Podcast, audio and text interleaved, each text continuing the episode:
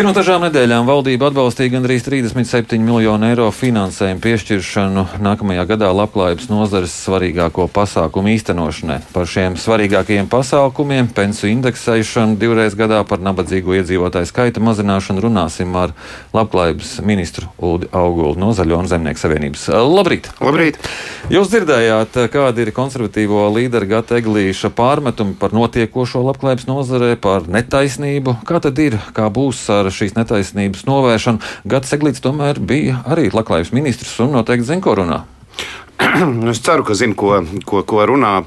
Bet, ja mēs skatāmies uz indeksāciju, to, ko Eglīša kungs arī pieminēja, tad jāatcerās tas, ka pagājušo gadu bija straušs inflācijas kāpums, un līdz ar to šīs inflācijas indeks bija pietiekoši augsts tieši, lai mēs arī spētu sekt to inflācijas pieaugumu arī pensionāriem. Šogad, ņemot vērā video iemaksu algu, kas tiek rēķināta no augusta līdz augustam pēc centrālās centrālās statistikas pārvaldes mums ir samazinājusies. Līdz ar to savulaik mēs nostiprinājām, ja šis indeks ir zem viens, vai pareizāk sakot, ar mīnusu, tad viņu nepiemēro. Jo pretējā gadījumā mēs šī brīdī nonāktu situācijā, ka mums būtu pensijas jāindeksē ar negatīvu indeksu, nu, visdrīzāk mēs neviens negribam. Līdz ar to tas indeks šogad ir aprēķināts attiecīgi 6,4. Bet, ja mēs skatāmies nākotnē, un tas, kas arī ir un ko mēs esam ministrijā jau pārunājuši un, un, un veiksim izvērtējums, tas ir šī indeksu kārtības piemērošana.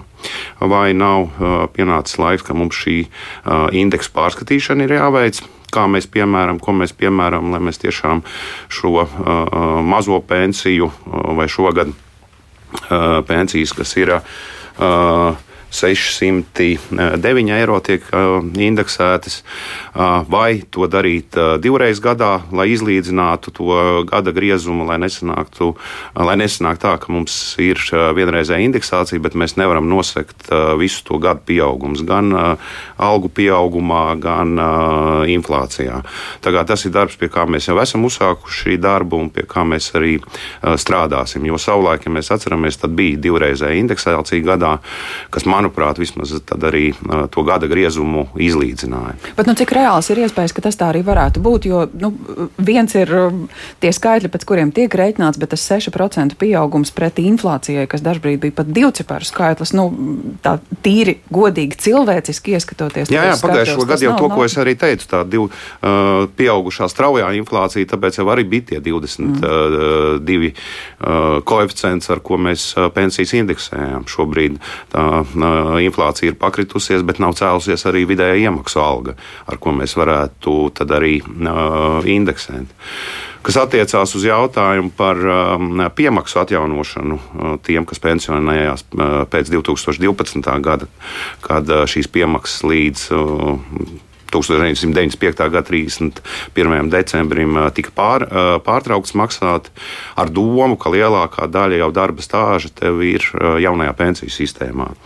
Bet nu, šobrīd izskatās, lai mēs bez uh, indeksācijas uh, palīdzētu tomēr cilvēkiem straujāk celt šīs mazās uh, pensijas. Mums tomēr ir jāatgriežas pie šī darba stāža novērtējuma, to visu arī visā sarunās uzsver. Es taču esmu strādājis, man ir tāds darba stāžs, kāpēc man tas nav novērtēts. Nu, šobrīd mēs esam uh, pēc sešu gadu diskusijām izkustējušies no vietas. Uh, protams, uh, arī man gribētos, visiem gribētos, ka mēs uzreiz visiem varam šo piemaksu par darba stāžu novērtējumu atjaunot, bet, manuprāt, labāk mēs izkustamies no nulles punkta, ejam pakāpeniski ar trepi. Katru gadu par trīs gadiem. Nākamajā gadā mēs piemaksas veiksim tiem, kas pensionējās 12., 13., 14. gadā, un tā ejot uz priekšu jo nākamajā gadā uh, budžeta izmaksās tas mums ir 14,5 uh, miljoni. Uh, aiznākam 25. gadā tas jau ir 30 miljoni, 26. gadā 51 miljonus un tā pakāpeniski ejot uz priekšu. Manuprāt, svarīgākais ir tas, ka mēs to esam uzsākuši un, un, un, un tomēr varēsim iet attiecīgā trepi, lai mēs novērtētu šos darba stāžus. Šis darba stāžu novērtējums, cik plašu cilvēku lokus skars? Šobrīd Es nepateikšu precīzu, precīzos skaitļos, bet apmēram kādi 65% no pensionāriem, jo bez tā, ka mēs atjaunojam, mēs arī mazliet paceļam šo novērtējumu attiecīgi par darba stāžu. Līdz ar to šis lokus būs lielāks, kas skars arī jau tos, kas šobrīd saņem šos darba novērtējumus. Bet nu, tas pie, piemaksu sistēma tas neizslēdz to, ka būs tā iespēja arī pensijas indeksēt divreiz gadā, jo nu, arī tas ir finanšu ziņā noteikti ietilpīgs. Jā, tāpēc, es, kā es arī teicu, mums jāizvērtē pirmām kārtām indeksācijas kārtība, kā, kā, ko un kādā veidā mēs attiecīgi indeksus ņemam vērā, kā arī jāizvērtē to, vai šī divreizējā indeksācija tiešām mums arī dos to iespēju izlīdzināt gada griezumu. Bet to, pie tā mēs strādājam, un to mēs arī izvērtēsim. Bet šis darba stāžu novērtējums, es pieļauju, ka neviens vien pensionārs sāks palikt bažīgs par to, ka tik viņam pensija nesamazinās, ka tajā novērtējumā kāda apstākļu dēļ, kaut kādu kritēriju dēļ, pēkšņi kaut kas no darba stāža krīt ārā un netiek novērtēts. Un... Nu, tā īsti nevajadzētu būt. Katrs, katra situācija, protams, mums ir individuāla, jo apdrošināšanas sistēma, sistēma mums ir individualizēta līdz ar to ja tev uh, tiek novērtēts papildus darba stāsts, nu, pensijai mīnusā nevajadzētu iet. Vienīgais, uh, ja es pareizi saprotu uh, jūsu uzdoto jautājumu, ka varētu pie tā, kad ir šis ienākums palielinājies, samazināties iespēja saņemt kādus no pašvaldību pabalstiem. Bet nu, katra situācija ir izvērtējama un droši vien, ka pašvaldībām ar šis nabadzības slieksnis savās pusēs ir jāpaceļ, lai mēs tomēr. Ejot gan ar indeksāciju, gan ar piemaksu paaugstināšanu, cilvēkam ne, eh, nesamazinātu viņa eh, teiksim, eh, maisaimniecības ieņēmumus. Nu, ar pašvaldībām mēs zinām, ka tā situācija Latvijā daudz vietā nemaz nav patīkama. Viss sākās ar rēzekni, tad izrādījās, ka ir vēl vairākas pašvaldības, kur finanšu situācija ir, ir pagalam bēdīga, un rēzeknē turklāt to taupīšanu bija domājuši, ka varētu samazinot sociālās jomas darbinieku skaitu.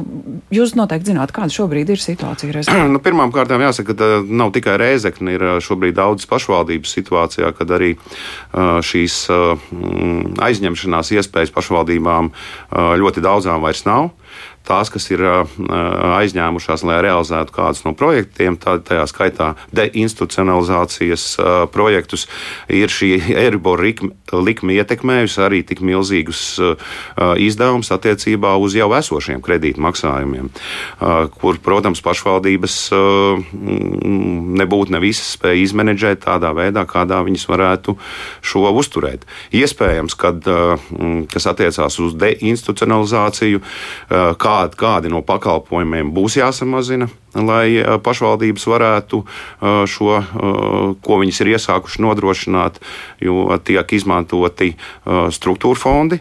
Katrs ir slēdzis līgumu, ka pēc struktūra fonda beigšanās arī pakalpojumi tiks nodrošināti. Nu, pašvaldību pusē to vajadzētu nodrošināt. Kurus Protams, pakalpojumus pašvaldības varētu svītrot? Nu, nesvītrot, bet uh, samazināt kaut kādā veidā uh, šos uh, izdevumus, kas attiecīgi ir kāds, kāds no pakalpojumiem, kas ir iespējams, ka viņš ir vai nu uz laiku jāatliek, bet mēs strādājam pie tā, lai mēs pašvaldībām varētu sekt ar jauno struktūru fondu projektiem. Uh, jau šos izdevumus tādā veidā, lai pašvaldības varētu atslogot kādus citus savus uh, izdevumus. Bet, nu, piemēram, par kuriem pakalpojumiem? Uh, šobrīd, šobrīd es nevaru jums atbildēt ko, konkrēti par kuriem pakalpojumiem, bet pakalpojumu gros, kas ir arī deklarācijā, kas ir obligāti nodrošināmie, kas ir arī uzdevums labklājības ministrijai, kur mums kopā ar pašvaldībām ir jāapsaka šādi, tādi, tādi pakalpojumi, bet visā Latvijā būs pieejami visiem Latvijas iedzīvotājiem. Jo šad, šur, tur mēs esam, nu, ja tā eh, var izteikties, uh, uh, uztaisījuši Mercedesu, kur mēs šobrīd pie situācijas, kad mums ir finanšu iztrūkums, mēs to Mercedesu vairs nevaram nodrošināt. Vai tas attiecināms arī uz pakalpojumu, kurš nav nepieciešams visiem Latvijas iedzīvotājiem, bet tiem, kuriem ir, tas ir vitāli svarīgs par hospice aprūpu mājās? Jā, ja mēs skatāmies par hospice, tad arī tā bija viena no iniciatīvām, ko mēs papildus budžetā ieguvām 4,2 miljonus, lai mēs šo pakalpojumu varētu nodrošināt visā Latvijā. Tas ir kopīgs projekts sadarbībā ar veselības ministriju, jo tur ir gan veselības sadaļa, gan arī sociālā, sociālās rehabilitācijas sadaļa. Bet šobrīd mazliet ir aiz, aizķēries iepirkums, bet es ceru, ka viss atrisināsies līdz 1. janvārim, lai mēs šo pasākumu, tā kā ir plānots arī budžetā, varētu no savas puses nodrošināt. Mhm. Un cik tālu ir attīstījusies tā diskusija, kas bija ar ekonomikas ministriju, ka nodarbinātības jautājumi tomēr būtu jāliek tās paspārnē? Um, jā, mēs vēl vakar ar uh, ekonomikas uh, ministru pārunājām, jo šobrīd kāda, kāda mums ir uh, situācija, ja mums ilgtermiņa, vidēja termiņa darba tirgus prognozes ir zem ekonomikas ministrijas jumta, kur, nu, protams, gribētos arī šīs prognozes redzēt daudz kvalitatīvākas un precīzākas, tad nodarbinātības aģentūra veic īstermiņa darba tirgus prognozes.